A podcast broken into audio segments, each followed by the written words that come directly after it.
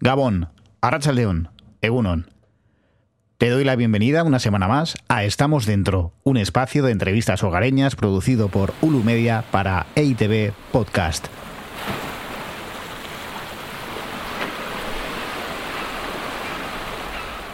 Caminamos por la desembocadura del Urumea, muy cerca del lugar donde empezaba el episodio dedicado a la ilustradora Elena Odriozola. Estamos, eso sí, al otro lado del puente del Cursal, en las inmediaciones de la parte vieja donostiarra.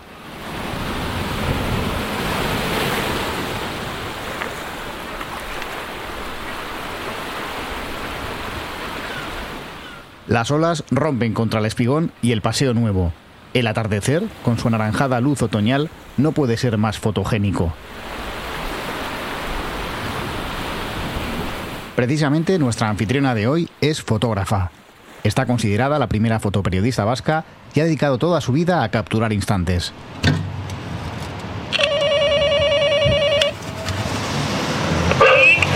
Hola Isabel. Te abro. Ahí. Desde los años más crudos del conflicto vasco hasta retratos íntimos a celebridades de la cultura vasca o a estrellas del Festival de San Sebastián, sin olvidar infinidad de escenas captadas en lugares como Perú, Nueva York, Nepal, Egipto, Cuba o Bali.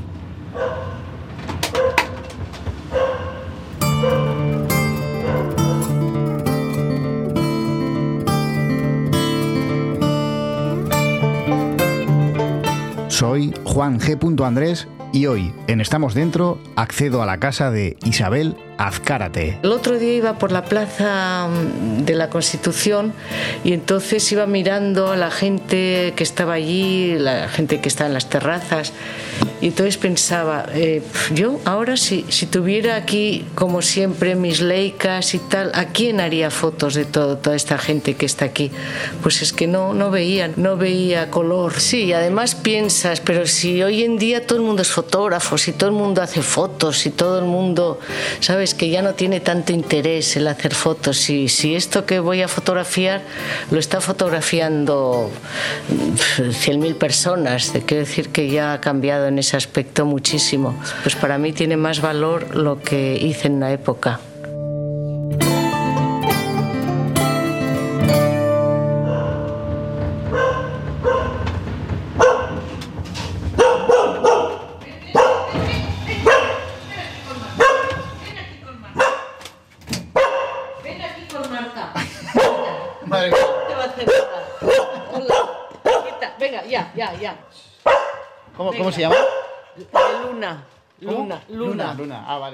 Tras la alborotada bienvenida que nos ha dispensado Luna, una cariñosa perra de agua, accedemos al salón. Enorme. En sus paredes y en las del resto de la casa no queda un hueco libre. De ellas cuelgan ampliaciones de las fotos más representativas de Isabel y también obras de sus amigos artistas. ¡Jo, qué maravilla de... Sí, De es un sitio estupendo. Es un sitio fenomenal. Mira, ven, asómate. Joder, Es las vistas una- a la Zurriola... Ya. Madre es una maravilla esta casita. Joder.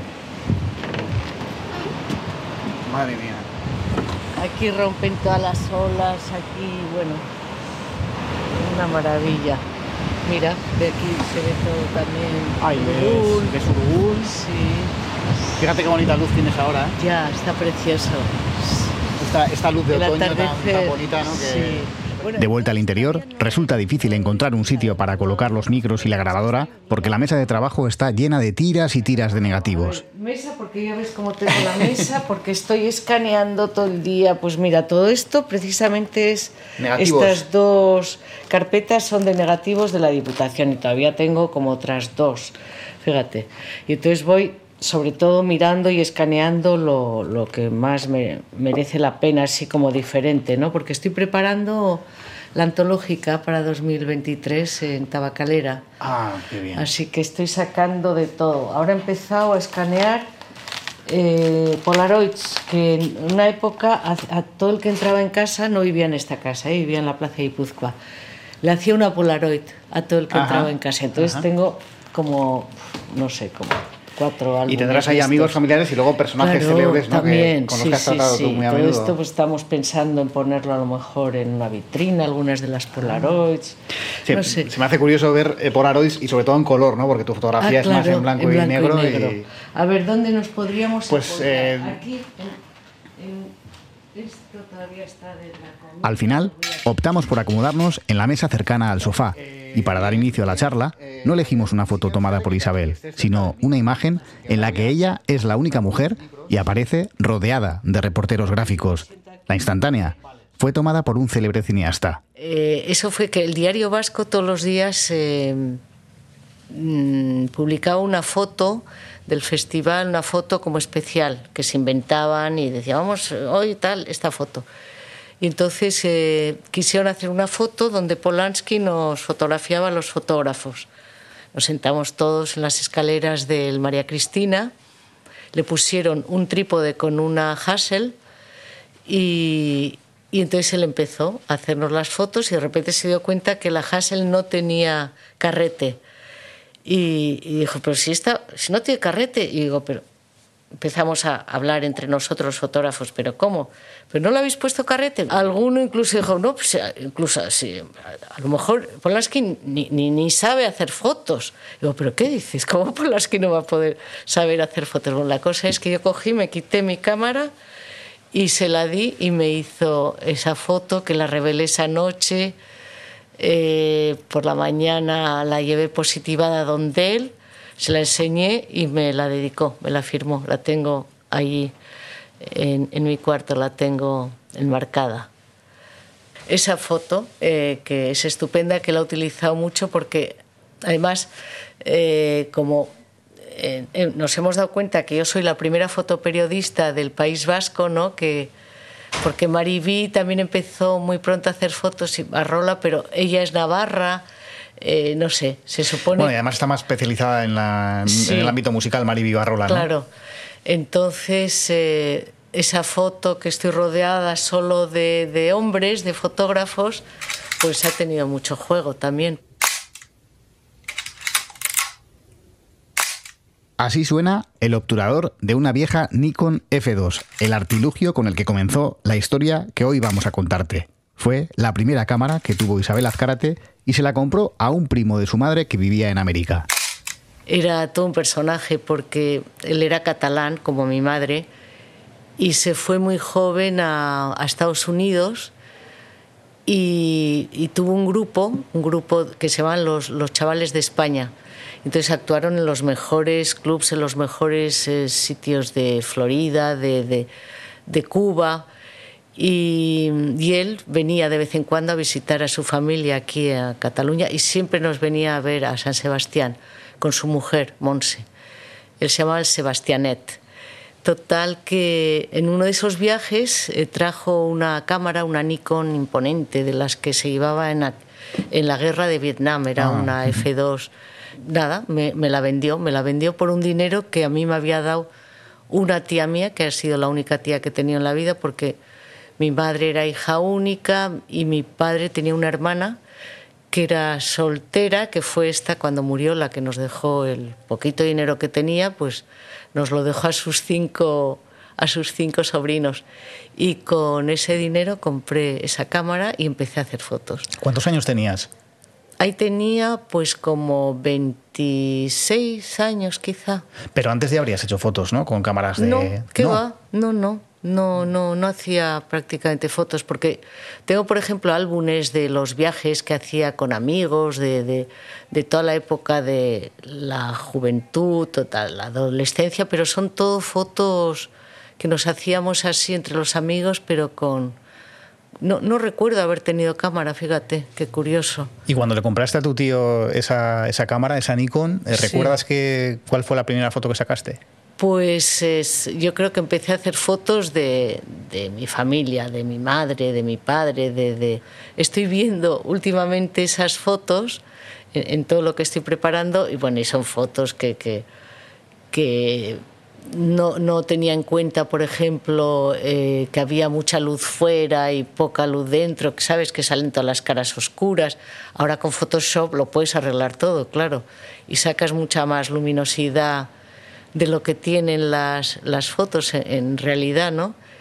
Pero bueno, poco a poco fui, fui aprendiendo y sobre todo me fui a Barcelona y ahí fue cuando hice un curso de fotografía y tenía muchos amigos que eran artistas, eran diseñadores, arquitectos y ellos fueron lo- los que me lanzaron realmente a la fotografía.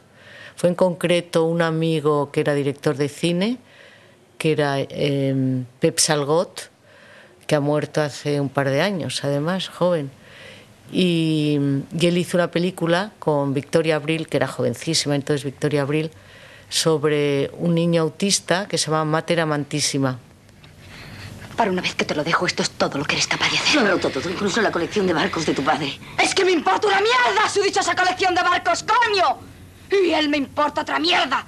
Es solo un estúpido, un pobre hombre, incapaz de hacer nada por sí mismo, ni siquiera cuidar de su nieto, coño. Y entonces me dijo que le hiciera pues eh, unas fotos, tal, para, para la prensa quizá. Y entonces le gustaron mucho las fotos que le hice y las utilizó en la prensa. Y entonces él me presentó a una amiga suya que era periodista.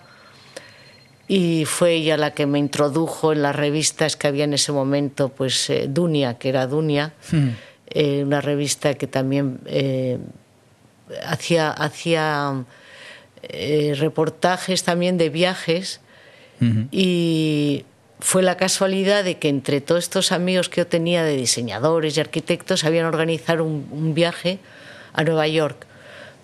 Y yo me apunté a ese viaje. Entonces fue esta revista la que me encargó un reportaje sobre Nueva York, sobre los días que iba a Nueva York, de tiendas, de restaurantes, dónde ir, qué hacer en Nueva York.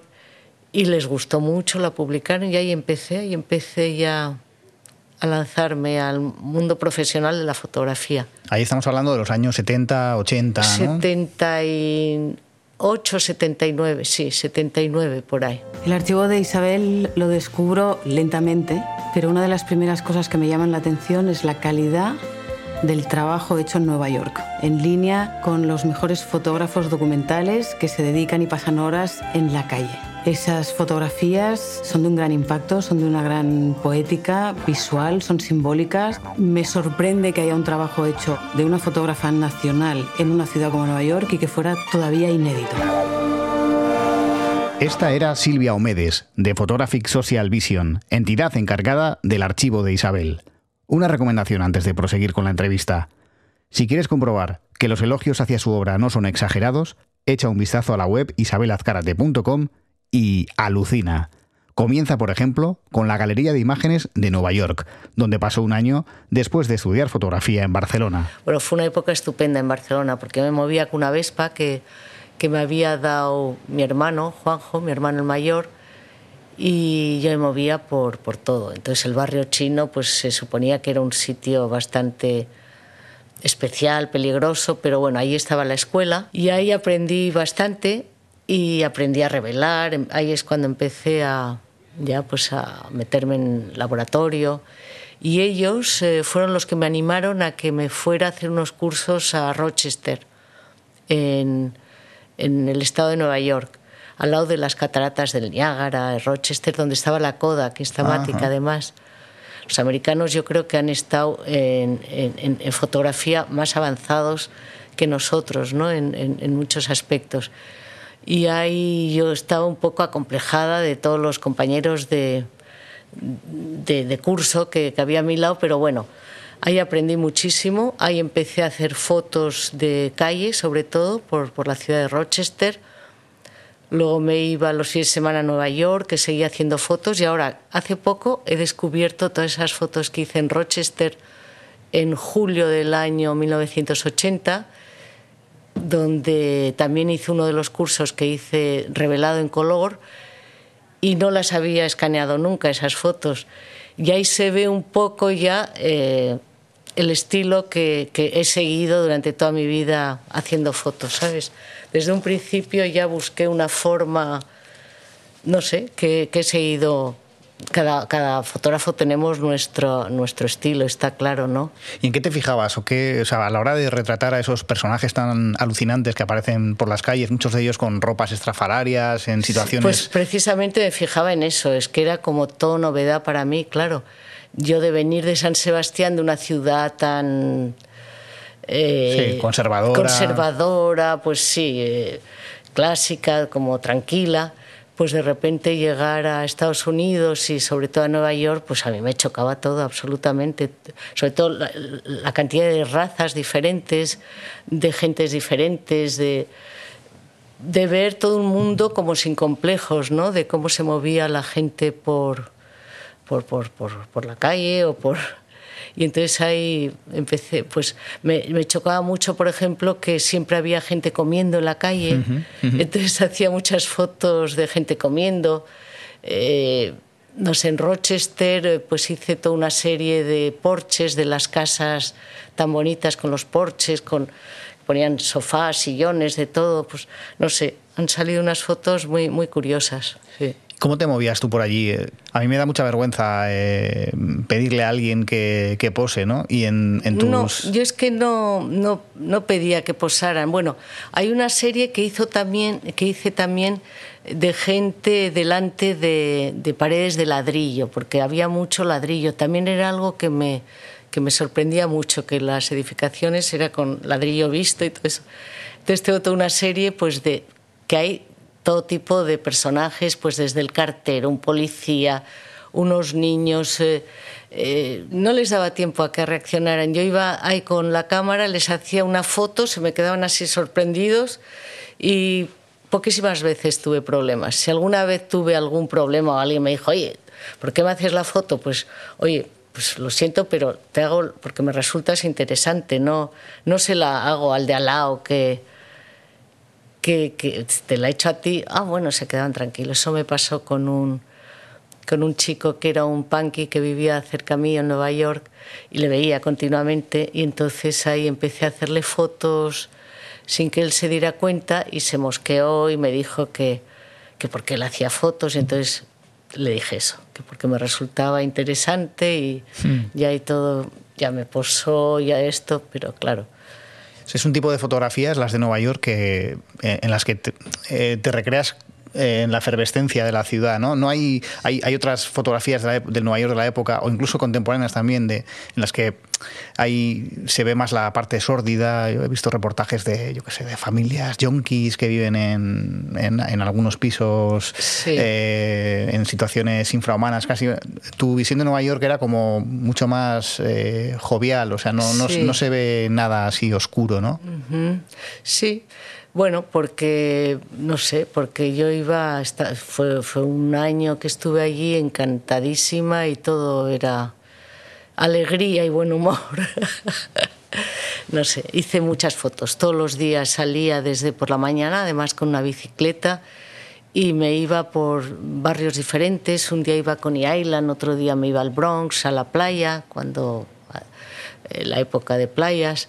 Otro día pues eh, iba hacia Harlem, a Central Park, muchos domingos, que en Central Park siempre había los patinadores que ahí me fascinaban, ¿no? Que patinaban y bailaban y, ahí sí que había una mezcla de razas, de personajes, de gente muy joven, de gente mayor y me lo pasaba en grande, la verdad. I'm Bill Vitka from The Source, and John Lennon is dead at the age of 40, the apparent victim of what New York City police call a screwball, a screwball with a gun. Lennon was on his way back from a New York City recording studio. The record Te, te cogió la muerte de John Lennon ahí. Sí, eso fue eh, unas eran navidades, sí, justo, justo antes de Nochevieja, unas navidades. Eh, yo había ido con unos amigos, con Carlos y Paloma, que habían venido a Nueva York a, pues eso, a pasar unos días. Nos fuimos a ver una, una obra de David Bowie que hacía de hombre elefante. Ah, sí. Y bueno, fue una maravilla. Fíjate, de eso no tengo fotos, no, no hice fotos. Yo, a lo mejor estaba prohibido, o quizá no sé. Y al salir nos encontramos con un amigo mío que era director de cine, que era Ricardo Franco, el Ujú. que hizo la, Sí, la Buena La Estrella, Estrella, sí. que ya murió Ricardo. Bueno, pues nos encontramos con él y fue él el que nos dijo, oye, que acaban de avisar que han matado a John Lennon. John Lennon was brought to the emergency room of the Roosevelt site, St. Luke's Roosevelt Hospital, this evening, shortly before 11 p.m. Eh, entonces fuimos todos al Dakota, fuimos inmediatamente allí y bueno, ya era de noche total, ya había millones de personas y ahí sí que empecé a hacer fotos. Al día siguiente volví, eh, seguí haciendo fotos y en unos días hubo el funeral en Central Park.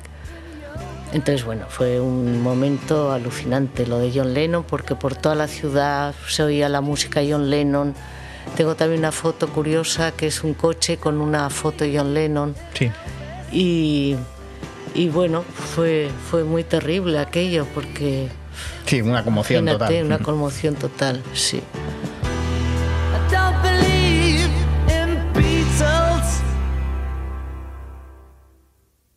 Just believe in me.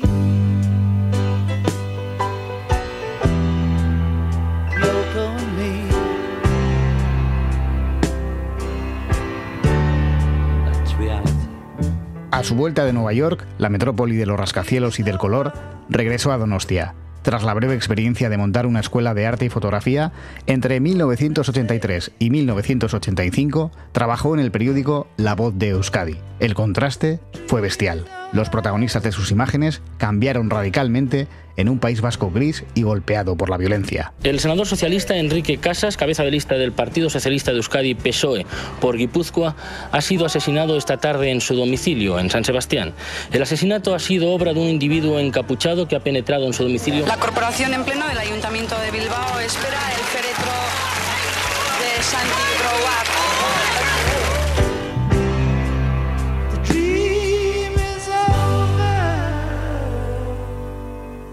fueron los años más duros entonces eh, de, de- de lo que era el, el, El conflicto el vasco. conflicto vasco, exacto. Los años de plomo a tope, pues todos los días teníamos o una manifestación o un atentado que había habido, corriendo a fotografiar, pues lo que fuera, por un lado, por otro, o a Endaya, eh, o al alto de, de Oyarzun, siempre había... Y de eso tengo muchísimas fotos muy duras. Pues, Son tremendas. Son algunas muy duras. Bueno, y eso que en la página web no, he- no he puesto todas las durísimas. Tienes algunas que son más fuertes todavía. Claro, porque tengo también diapositivas que se ve todo, pues el tiro por donde había entrado y la, ¿sabes? Como más primeros planos. Pero bueno, eh, son cosas que tú quieres llevar una buena foto al periódico y te metes de lleno. Yo al principio, además, cuando había, por ejemplo, un funeral de, un guardia civil que habían asesinado, pues yo iba al funeral y empezaba a hacer fotos de aquí, de allá, y cuando llegaba al periódico me decían, hombre, pero todo esto no, no, no podemos publicar, les tenemos que poner una banda negra en los ojos, todo esto. No sé, yo era muy apasionada y entraba a saco, ¿no? A hacer lo que fuera para llevar una buena foto. Tienes eh, fotos eh, eh, tanto de víctimas de ETA como de, de víctimas de familiares de, de- de personas asesinadas Claro. por, por los GRAL también, ¿no? Y, al final lo, lo que ves en las fotos es que todo es dolor, ¿no? Terrible, terrible. Mira, yo había echado en falta unas fotos de, de cuando mataron a Enrique Casas. Sí. Y las encontré el otro día. Bueno, y la cara de todos los, los que en ese momento gobernaban, pues vino Felipe González, estaba eh, Ardanza, estaba O'Donnell Orza.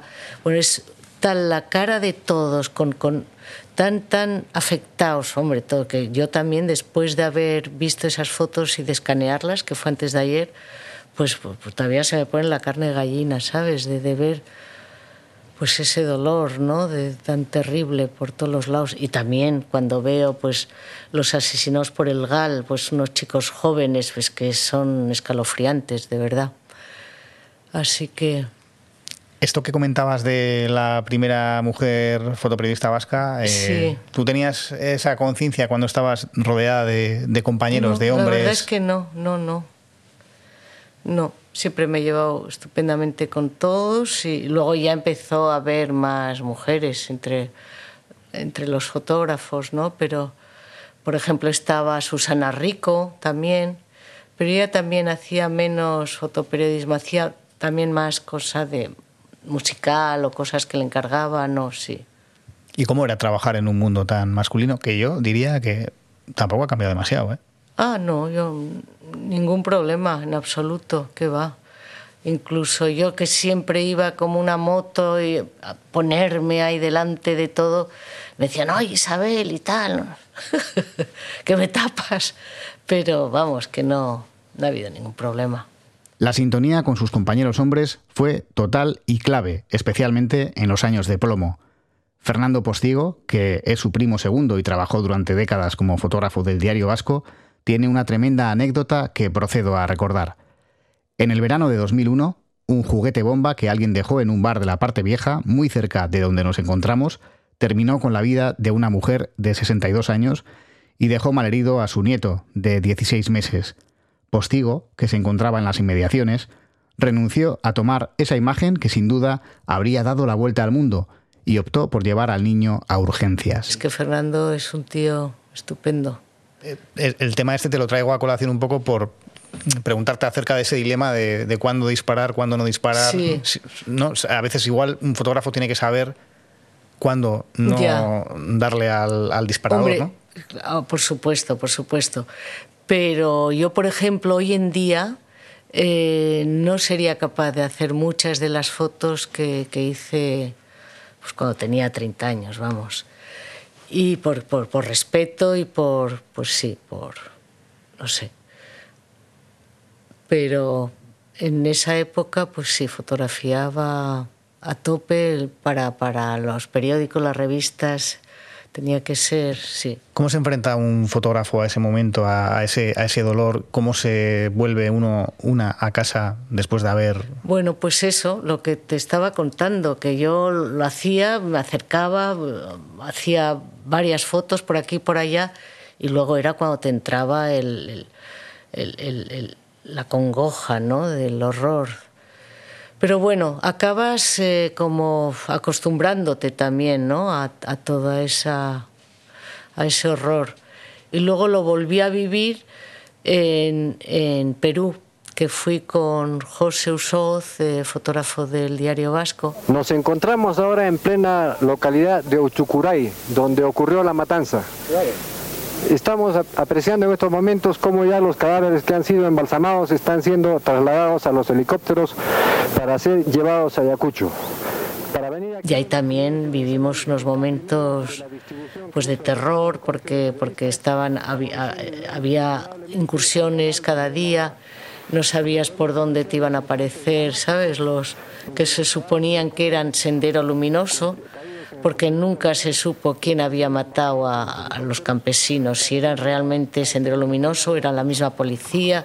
Hay habido siempre unas unas dudas increíbles. Y ahí también tuve que fotografiar a muchos de los eh, agricultores asesinados, de, gente muy sencilla que, vamos, que En esos casos, eh, ¿llegabas a pedir permiso a, a lo- a las víctimas, a los supervivientes de...? Nada, nada. Ellos mismos eran los que te pedían que hicieras las fotos para enseñar lo que les estaba pasando ahí en Perú, te quiero, con- Sí. te, te quiero decir. Y, y no, no, no, no, no pedías permiso. Ellos se dejaban y te pedían que, que les fotografiaras y que enseñaras lo que les ocurría porque no entendían nada, claro. ¿Vivisteis eh, situaciones de peligro ahí en, en Perú? Pues sí, había momentos, eh, no, no sé si realmente eran de peligro, pero que se apagaban las luces y tú te metías debajo de, de una mesa, claro, porque no sabías por dónde iban a, a salir los tiros, nunca mejor dicho.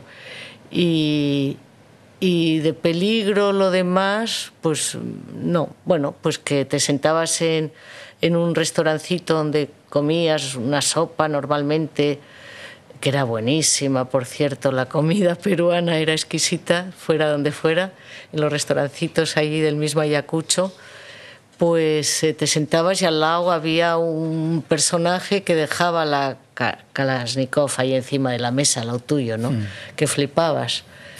Y eso mismo nos ocurrió cuando íbamos, cuando, cuando cogimos el avión, que dijeron por, el- por los altavoces que to- todo el que fuera armado dejara sus armas en la cabina del, del piloto y entonces fue todo el avión que se levantó y iba armado hasta todo hijo de vecino, vamos. ¿Eso en qué aeropuerto estabais? Eso pues eh, de Lima, de Lima a Ayacucho, sí, sí. Esa habrá sido la vez que más cerca has estado de ser una especie de corresponsal de, Pues sí, de guerra. ¿Te habría pues sí. gustado hacer ese trabajo?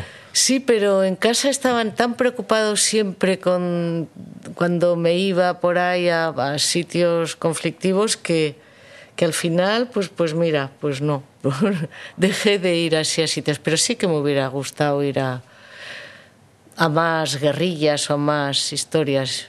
Yo he sido bastante aventurera, vamos, me encantaba moverme, viajar, pero al final pues me quedé en San Sebastián, aunque me muevo mucho y sigo viajando y eso, pero estoy muy feliz en esta ciudad que, que es maravillosa. Egun guztioi, Donostiako Parke Teknologikoaren areto nagusi honetan, era askotako herri erakundeen ordezkari eta teknikariak bildu gara gaurkoan. Gipuzkoako udal ordezkariak, Cuando cerró la voz de Euskadi, que estuve allí un par de años, eh, pues me contrataron en la Diputación. Yo acompañaba al diputado general o a los diputados pues a todos los eventos que organizaban, porque había varios eventos al día, vamos. Y empecé a hacer allí fotos de todo, que fue una forma de conocer Guipúzcoa a tope, porque era la época en que se inauguraba todo tipo de, de frontones, de casas de cultura.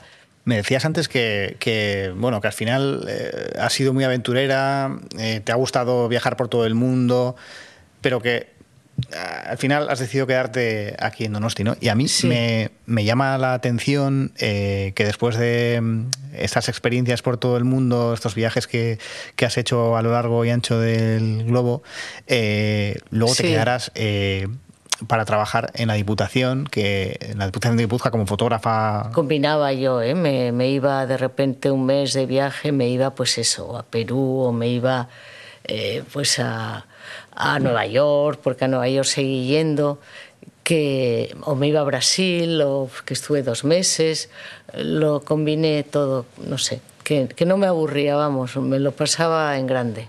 Pero quiero decir que sobre el papel comparas eh, hacer Sí. estos viajes alucinantes que, que hacías con eh, trabajar, bueno, pues al servicio de los políticos para, imagino que Sí. ellos querrían salir guapos o por lo Sí. menos favorecidos en las fotos. Sí. Eh, eso, cortando cintas, inaugurando carreteras. No, Claro. pa- no parece eh, un trabajo eh, que a priori, y en contraste con lo que habías hecho hasta ese momento, eh, sea tan emocionante, ¿no? Pero supongo que tú eh, buscarías la forma de, de- de- de darle una vuelta, ¿no? A las fotos que hacías, eh, a- a- al margen de las que te pedían los políticos. Sí, de aprovechar, de aprovechar y hacer otras cosas, pues sí. Eh, tienes un montón de fotos de amigos tuyos, de gente de, de- del mundo de las artes Sí. vascas increíbles, ¿no? Sí, Desde sí, pues, Iván Zulueta hasta... Ah, claro.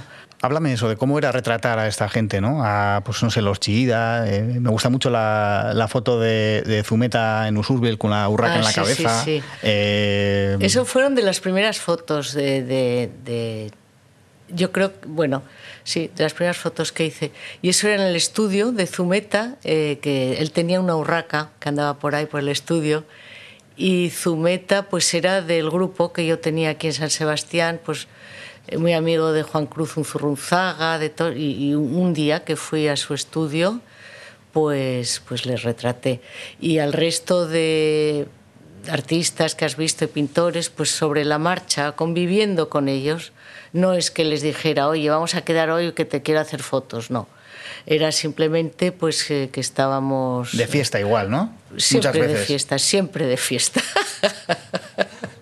Mucha fiesta, sí. Mucha inauguración y, y bueno, y salíamos todos los días, todos los días. Después de la pandemia es que ya casi ni salimos, pero antes salías todos los días a tomar unos vinos por ahí o, o, o a tomar algo, no la, sé. de, la de Gurruchaga pelándose en una barbería, pelándose Ah, mira. la cabeza al cero, con Popocho al lado mirando al peluquero, también es fantástica. Es- eso fue en Barcelona, porque yo ya estaba en Barcelona estudiando fotografía y vino Gurruchaga con Juan Cruz Unzurrunzaga, que era íntimo amigo y que era entonces eh, manager de la Orquesta Ah, Mondragón. Y nos fuimos por ahí, pues, a- pues no sé, pues paseando por Barcelona, primero la peluquería, luego... Y yo iba haciendo fotos, pero bueno, luego nos fuimos a comer a La Maya, que tomamos angulas. Me acuerdo porque hay una foto de Popocho tomando angulas, que yo creo que entonces las angulas no debían de ser tan caras. Luego otra tienes de Ramón Zuriarrain dando el biberón A su hijo, hijo, en claro. el caserío, En su ¿no? Eh, caserío. también es íntimo foto- amigo de toda la vida, Ramón también, de- de- del grupo de amigos de la pandilla que se decía. Y, y eso fue un día que fuimos eh, unos cuantos amigos a verle a su caserío y le hice la foto esa, sí. Esa foto tenido mucho éxito.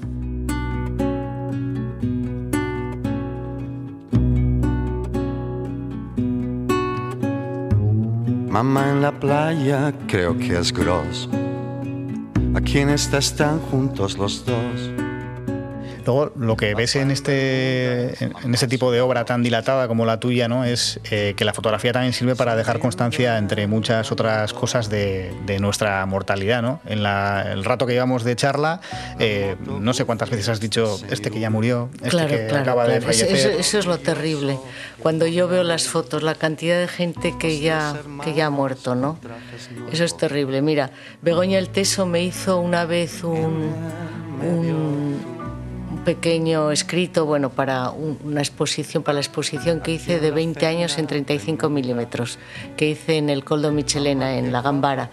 Entonces sí, escribí una cosa preciosa que hablaba de eso, que a ella no le gustaba que le hicieran fotos y que y, y eso y de tanta y tanta gente que aparece en las fotos que ya no están que sabes ella es como antifotos y lo, lo explicaba muy bien Estoy viendo de reojo que tienes eh, el último disco póstumo de Rafael Ah, Berrio, sí, sí, a sí. quien también has fotografiado, y que tiene una canción que se llama Este álbum y, y que, y que habla precisamente de eso, ¿no? del dolor que supone enfrentarse a, a las fotos de, de gente que ya no está. ¿no? claro pues sí Cierra este álbum, no lo quiero ver. ¿Qué sentido tiene? ¿Qué razón de ser? Ya qué importa quiénes fuimos. Todo esto para qué?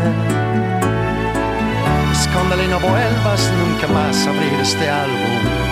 Escóndele y no vuelvas ni a tocar este álbum. Escóndele y no vuelvas nunca más a abrir este álbum. Escóndele y no vuelvas ni a tocar este álbum. Este álbum. Este álbum. Este álbum. Este álbum. Rafa qué pena desde luego porque también a Rafa le conocí pues eh, era muy amigo y claro tenía el grupo con los Lanzagorta y yo pues eh, les hice muchísimas fotos, les hice fotos porque también les empezó llevando eh, Santi Ugarte, fue Santi el que no, me los presentó a todos. Y, y tengo muchísimas fotos de, de Rafa pues eh, con los Lanzagorta, pues en los estudios de grabación, mm, Sí, en las landas. en las Landas mm. y también en Villabona había un estudio de grabación. En Villabona, sí, en Amasa, cerca de Amasa. Y luego, pues eso, que era amiguete, que te lo encontrabas por ahí. Era un tío estupendo. There's a downtown fair singing out Proud Mary as she cruises Christopher Street. And some southern queen is acting loud and mean where the docks and the badlands meet. This Halloween is something to be sure of. Especially to be here without you.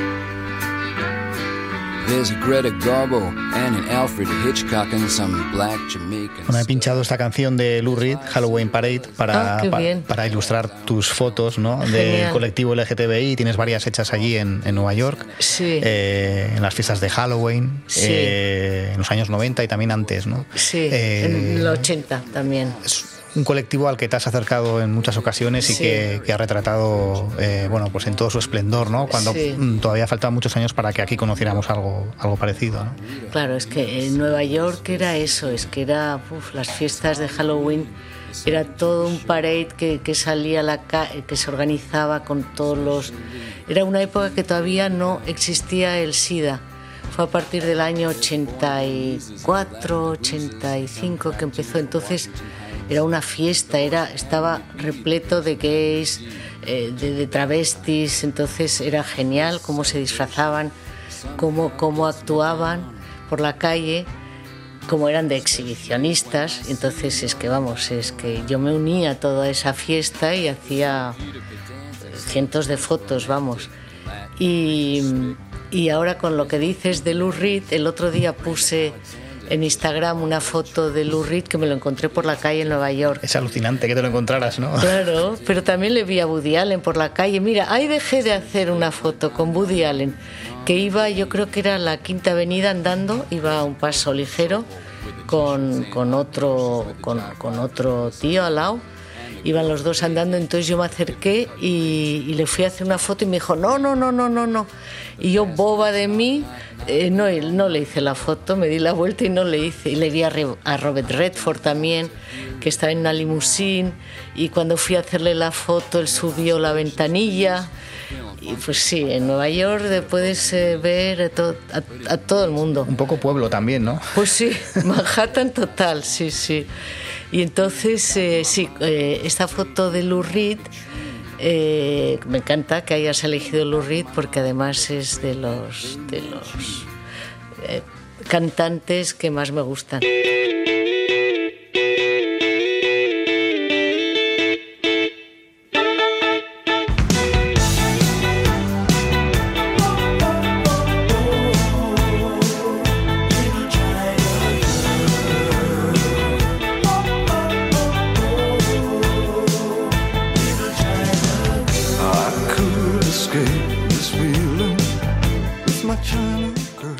Bowie también, claro, de toda esa época. Y Al- les he al- conocido a los dos, además, en directo, luego aquí en San Sebastián.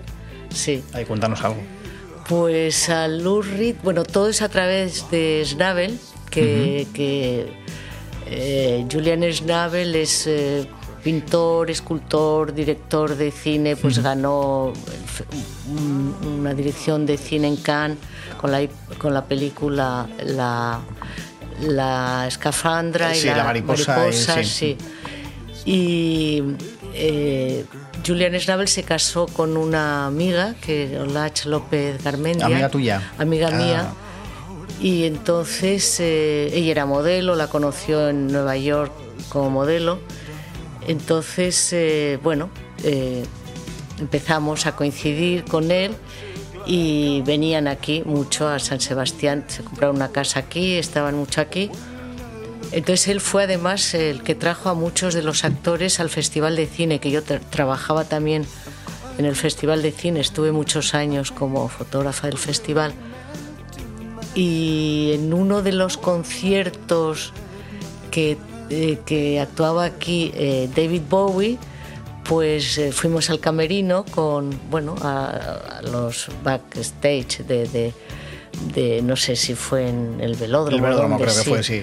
y entonces eh, Julian Schnabel nos fue presentando uno a uno todos los amigos que fuimos allí, el encantador, eh, David Bowie encantador, pues fue genial la reacción que tuvimos cada uno cuando nos iba diciendo, pues eh, Marta, David, this is Marta, pues Marta le dio un abrazo, eh, luego eh, this is y, y Chiar, y, y Chiar le preguntó, do you make videos? Que el otro se quedó como alucinado, la otra le dijo, thank you, bueno, to- todas flipadas, y él súper simpático, tío estupendo. Y bueno, y a Lud Reed también le conocí con Julian Schnabel, eh, que lo trajo con una película también al Festival de Cine. Y estuvimos con él y en- entonces ahí le hablé a Lou Reed de la foto que le había hecho en los años 80 y bueno, se acordaba perfectamente con quién iba porque le dije ibas con una mujer oriental y dijo, ah sí, era Anne, la novia que tenía entonces y tal y cosas curiosas de, de- de ese tipo de, de anécdotas, ¿no?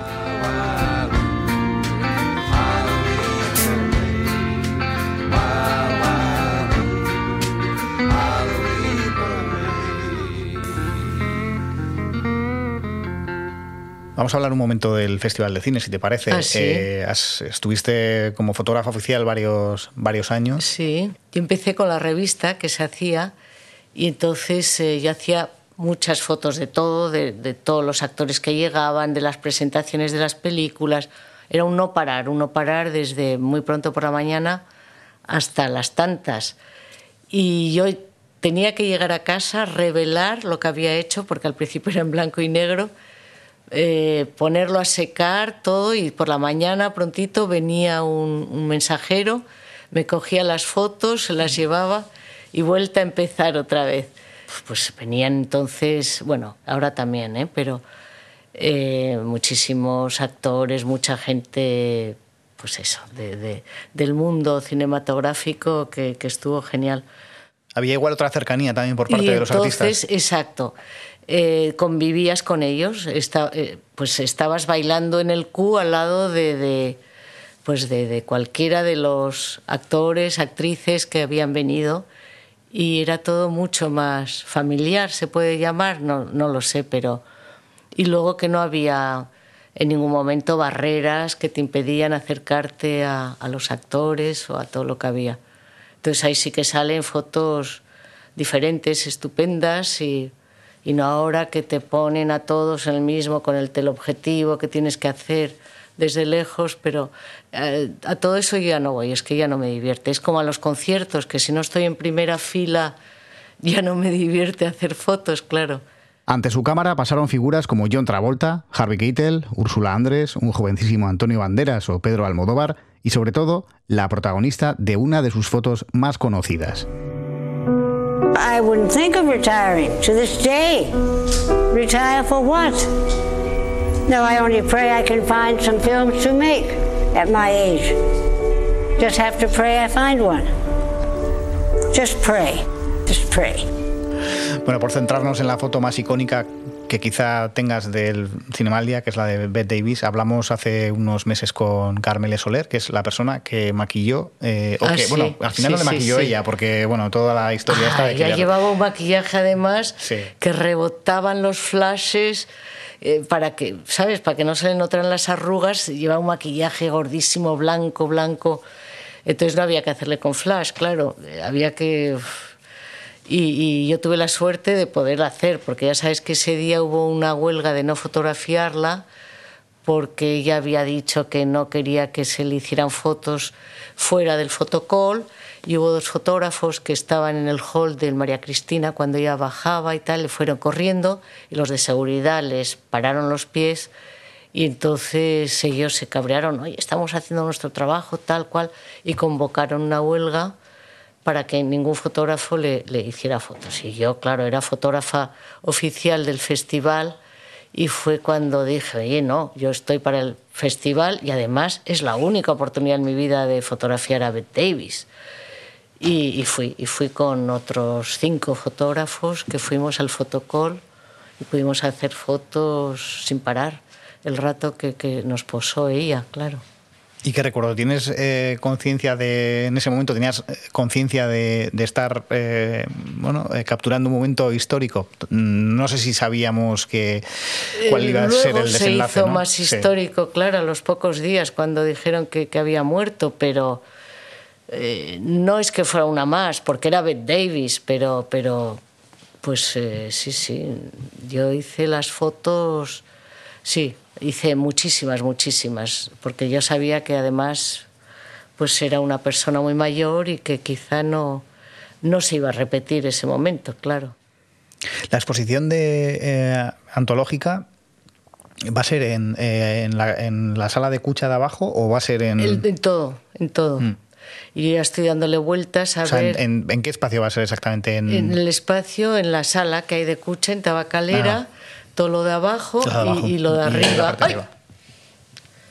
¿Ha saltado Ha saltado, ¿verdad? Sí. Qué raro.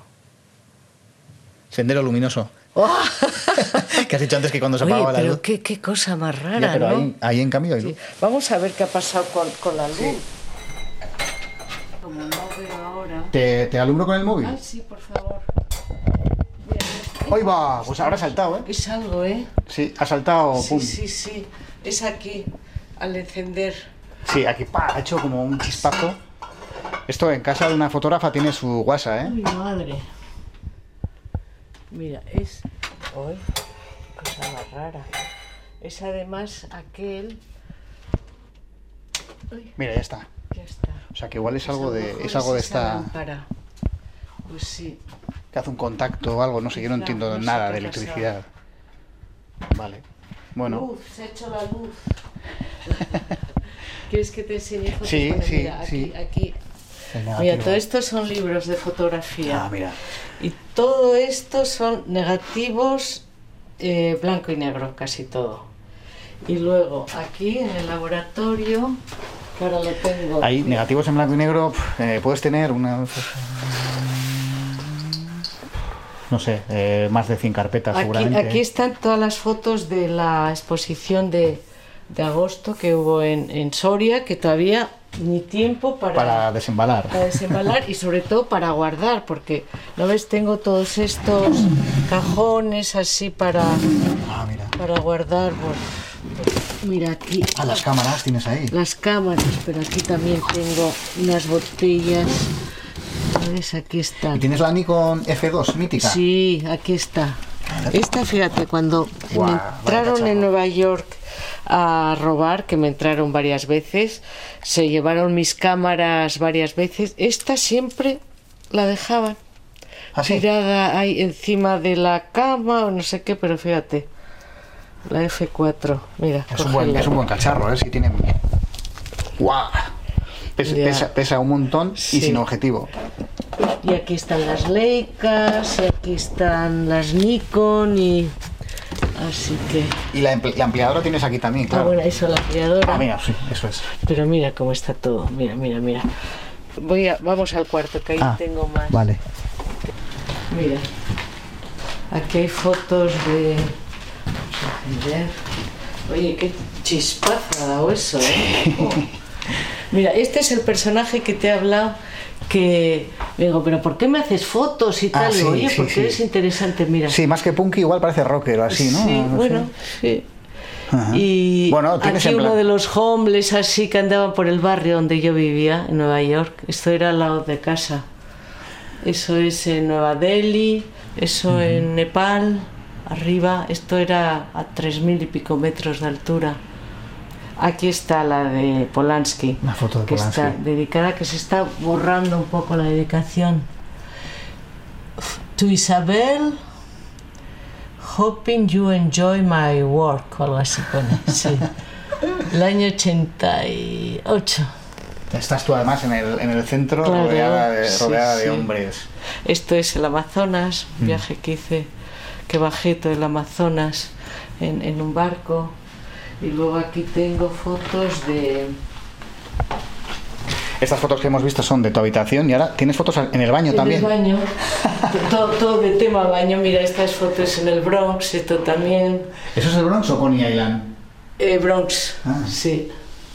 La playa del Bronx. Esta es de José Usoz, aquí Ah, en la sí. concha. Esta es de Nepal, esta es de Bali.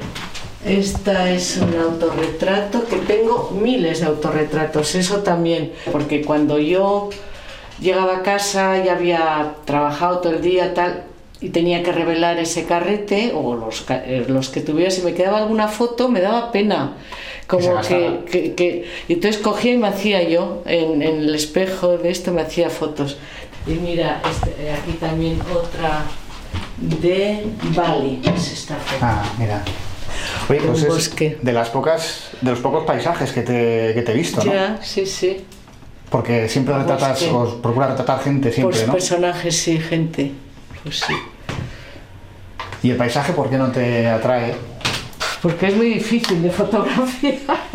Hacer una buena foto de un paisaje, madre mía. ¿Qué cámara eh, compacta tienes? Así para. Ah, una para llevar? Lumix, Una Lumix, sí. Yo tengo una también un poco viejita. Ah, sí. Una Lumix, sí. Mira, está aquí. Esta. Es muy luminosa, unos 7. Unos ¿eh? Sí. ¿Y, zoom cuánto tiene? Muy poco, no, 90 o si, es luminosa, Claro, no. claro. Sí, que a veces he hecho falta, pero bueno, a mí nunca me ha gustado hacer fotos con grandes objetivos. ¿sí? A mí siempre me gustaba acercarme al personaje. Casi siempre utilizaba un 35 milímetros. Y también siempre me he comprado muy luminosos para no tener que utilizar flash. Y, y eso. ¿Cómo cambia la mirada de un fotógrafo eh, durante 40 años? Mm, La mirada yo creo que no cambia, lo que cambia es la forma, a lo mejor, de fotografiar, de dirigirte a, a la gente, a los personajes. O, también has aprendido mucho, claro, en 40 años, ¿no? Pero también has aprendido a respetar más de lo que en un principio pues ibas un poco a, pues a saco y, y bueno, y también pues que te tranquilizas, te tranquilizas y, y ya no, ya no, ya no tienes ese afán por, por hacer pues eh, la mejor foto. Hombre, es muy diferente. Además, ha cambiado tanto de, lo analógico a lo digital que ahora pues haces bastantes más fotos, las miras, las borras, eh, vuelves a hacer, e- e- es diferente. Antes tenía la emoción también de llegar al laboratorio, de revelar, de ir viendo a medida que se iban positivando las fotos en, en la bandeja del revelado y tenía otro, otro misterio y otra, no sé, era muy diferente de lo de ahora, claro. No sé si ahora el fotógrafo eh, se puede convertir en eh, una persona más, más cómoda también, ¿no? Eh, Sí, y además piensas, pero si hoy en día todo el mundo es fotógrafo, si todo el mundo hace fotos, si todo el mundo, sabes, que ya no tiene tanto interés el hacer fotos, si, si esto que voy a fotografiar lo está fotografiando pf, 100.000 personas, te quiero decir que ya ha cambiado en ese aspecto muchísimo.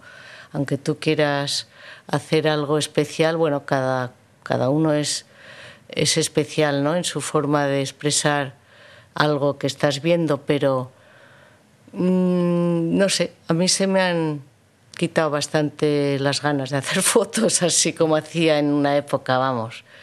Sí, quizá también es la edad, ca- te lo tomas de otra forma. Y sobre todo es por eso, porque ahora ya todo el mundo hace fotos también. ¿Crees que la imagen ha perdido eh, el valor que tenía antes? Ah, yo, yo pienso que sí, por supuesto, que ahora pues, eh, hay tantísimas fotos por- que, que hace todo el mundo que, que ya no... No sé, por eso estoy yo recopilando todo lo que hice en una época, porque Cualquiera eh, puede ser fotógrafo teniendo un móvil en el bolsillo, pero cualquiera no hace una buena foto. Eso también. Bueno, pero mucha gente hace muy buenas fotos. Y hoy en día también se hacen muy buenas fotos eh, con los móviles. Y después de ver tantas fotos, la gente ha aprendido a hacer fotos, yo creo. Sí, ¿crees que tenemos... eh, Yo creo que sí. Yo creo que ha, que ha subido el nivel de, de fotos, ¿no? En, en, en general. Mm. Sí, cuando vas por ahí y pides, oye, haznos una foto a este grupo que estamos aquí, te hacen una buena foto, te lo hacen bien, te Sí, lo, pues yo tengo una mala lo, suerte. lo enmarcan bien. Sí, yo tengo una mala suerte. Además, ¿Ah, siempre sí? discuto con mi pareja sobre eso porque Sí. no me suele gustar pedirle a nadie que nos haga una foto porque casi siempre nos cortan los pies, la ¿Ah, cabeza o Ah. el plano es horrible, sí. Ah, pues no, yo fíjate. ¿Tú has, tú has percibido bueno, que.? pero tampoco pido eh, que me hagan fotos. Ya, no. Yo casi prefiero buscar un sitio para apoyarla Ya, y ya, usar ya. el disparador automático y a ver que, que haya suerte. A los fotógrafos no nos gusta que nos hagan fotos, nada, nada. Cuando, cuando vas a hacer fotos hoy en día, ahora en 2022, ¿en qué te fijas? ¿Qué, qué haces? Estaba pensando, fíjate, el otro día iba por la plaza mm, de la Constitución y entonces iba mirando a la gente que estaba allí, la gente que está en las terrazas, y entonces pensaba, eh, yo ahora si, si, si tuviera aquí, como siempre, mis leicas y tal, ¿a quién haría fotos de todo, toda esta gente que está aquí? Pues es que no, no veía, no veía, no veía color, no sé. Y, y bueno, pero siempre, por ejemplo, que veo algo que me llama la atención, entonces saco, saco la camarita que tengo en el bolso o saco el teléfono y lo hago, pero, La verdad es que ahora, no sé, mm, será que me he acostumbrado ya a todo lo que hay por ahí y, y hago menos fotos por eso. ¿Puede ser que te parezca un mundo menos interesante para retratar el actual? Pues quizá, pues quizá, quizá. Que cuando eres más joven eh, te fascina todo mucho más y cuando te vas haciendo viejo, pues, pues ya no tiene tanto interés la cosa. no sé, no sé cómo explicarme.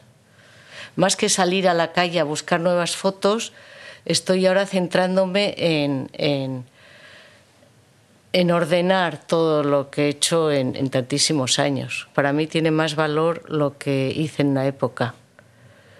Entonces yo todo eso pues eh, lo voy ahora guardando y estoy también eh, como archivando todas esas fotos. He regalado muchísimas a, a mis hermanos, a mis sobrinos, les Hmm. daba continuamente fotos. Pero ahora, ¿sabes?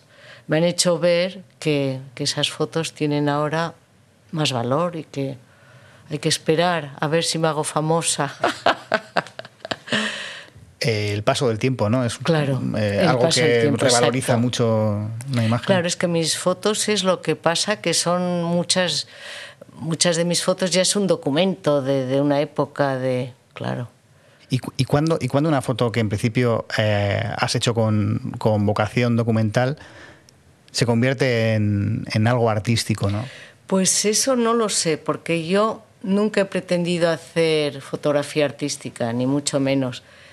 Pero muchas de mis fotos, por lo visto, pues por, la estética que yo tengo, por la forma de encuadrar o por, cómo me paro a, elegir el, el momento, eh, pues sí que dicen que tiene un punto más artístico, ¿no? Pero nunca me he parado en, eh, a, a pensar, voy a hacer esta foto, a ver, artística, ni mucho menos.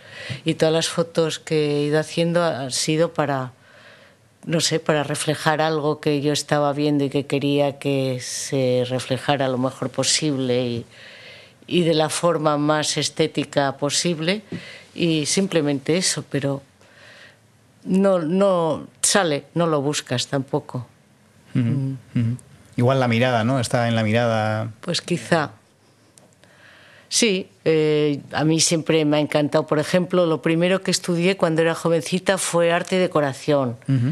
Eh, pues, eh, por ejemplo, en casa nos han llevado siempre desde pequeños que íbamos a, a veranear a Francia, nos han llevado a museos, a, ¿sabes? Se te va quedando. Mi madre, por ejemplo, estaba, tenía toda una colección de libros de arte que siempre, pues al final se te va pegando, se te van pegando las cosas. Toda esta gente, eh, de amigos de, artistas de aquí, de San Sebastián, y, y los amigos eh, catalanes también artistas, pues todo eso mm, lo vas, lo vas captando, ¿no? Y vas viendo. mm, Te vas impregnando Y te de- vas impregnando, de- por sí, supuesto. me imagino que eso, Nueva York, Barcelona, Y claro, los viajes. Y, y al final aprendes mucho viendo, mirando y, y te- y al final pues te va saliendo sin darte cuenta. Se puede educar la mirada, entonces. Yo creo que sí. Bueno, más que la mirada, la forma de, de, de- sí, y la mirada también, por supuesto, sí, la- y la forma de plasmar esa mirada, ¿no? Que es mucho más eh, lo que tú dices, la mirada, que no el, el- la técnica o el, ¿no? ¿No te parece? Hmm. Sí, sí, yo creo que sí. Pues sí. Puede ser. Yo, por ejemplo, de técnica he sabido poquísimo. Hasta que he ido aprendiendo a base de, de, pues eso, de flashazos, qué horror, qué flashazo, ahora voy a quitar el flash o lo dirijo al techo. Vas aprendiendo a través de, pues eso, de meter la pata. Esto que decías ahora, no sé si medio en serio, medio en broma, de a ver si me hago famosa. Eh, eh, sí, hay quien piensa que deberías tener más reconocimiento eh, a juzgar por el trabajo que, que has hecho, ¿no? por la calidad del- de, de- de tu obra. No sé cómo lo, cómo lo ves tú, porque supongo que cuando hacías las fotos hace 20, 30 años no te planteabas Claro, eh, no, yo, el yo- trabajo en yo esos siempre términos. he sido muy viva la vida, vamos, que no me he preocupado para nada. Y hasta que no ha aparecido esta eh, asociación fotográfica eh, Silvia Omedes, que es la que me lleva todo y que me está haciendo ahí trabajar como una loca y preparar y escanear y tal, pues, pues yo nada, no, no, no hacía mucho caso. Sí que estaba escaneando y estaba siempre trabajando con mis fotos, pero vamos, ahora es cuando me toca trabajar más hasta la antológica, que luego esperemos que esa antológica se pueda mover Claro. por, por diferentes sitios. Y para ir terminando ya, ¿qué es lo más grande que te ha dado la fotografía? Ah, la vida, toda. Mi, mi vida ha sido la fotografía. Ha sido estupendo. Y bueno, siempre me lo he pasado muy bien haciendo fotos y además ha sido como un escudo para mí la cámara de fotos, porque cuando he tenido que ir pues a historias como bodas o como yo si hacía fotos ya no tenía que estar ahí pues dando, hablando, charlando con la gente, ¿sabes? Yo me metía en mi mundo de, de hacer fotos y, y, y ha sido estupendo. Eh, me ha hecho viajar, me ha hecho... Eh, yo sigo encantada aquí trabajando con las fotos, es que... Si no, ¿qué podría hacer si no estoy con mis fotos? ¿Estar todo el día paseando? no. Estoy, pues eso, me ha dado la vida total. Mm. Conocer gente también, ¿no? Ah, bueno, sí, eso por supuesto, y conocer cosas y, y, y, y moverme y, y, estar en primera fila de muchísimas cosas que si no, no hubiera podido estar. Eso por supuesto. Muy bien, pues eh, estamos deseando ver la, la, exposición en Tabacalera para ah, bueno, 2022. Todavía falta dos años. 23. 23, vale, vale, vale, vale. O sea que, bueno, bueno. 2023. Muy bien, pues eh, encantado de haber eh, charlado contigo, Isabel. Un placer. Y Gracias. Que sigas así de bien y que sigamos viendo tus, tus fotos y disfrutando de tu trabajo. Estupendo. Pues gracias a ti, Juan. Fotozarrak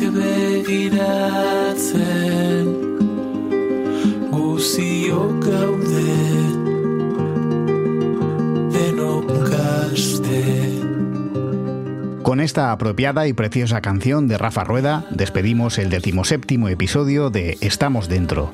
Si te ha gustado o al menos interesado, suscríbete y recomiéndanos a tus amistades. Puedes también seguir las andanzas de mi compañero y amigo Oyer Aranzábal, que conduce en euskera nuestro podcast siamés, Barruan Gaude.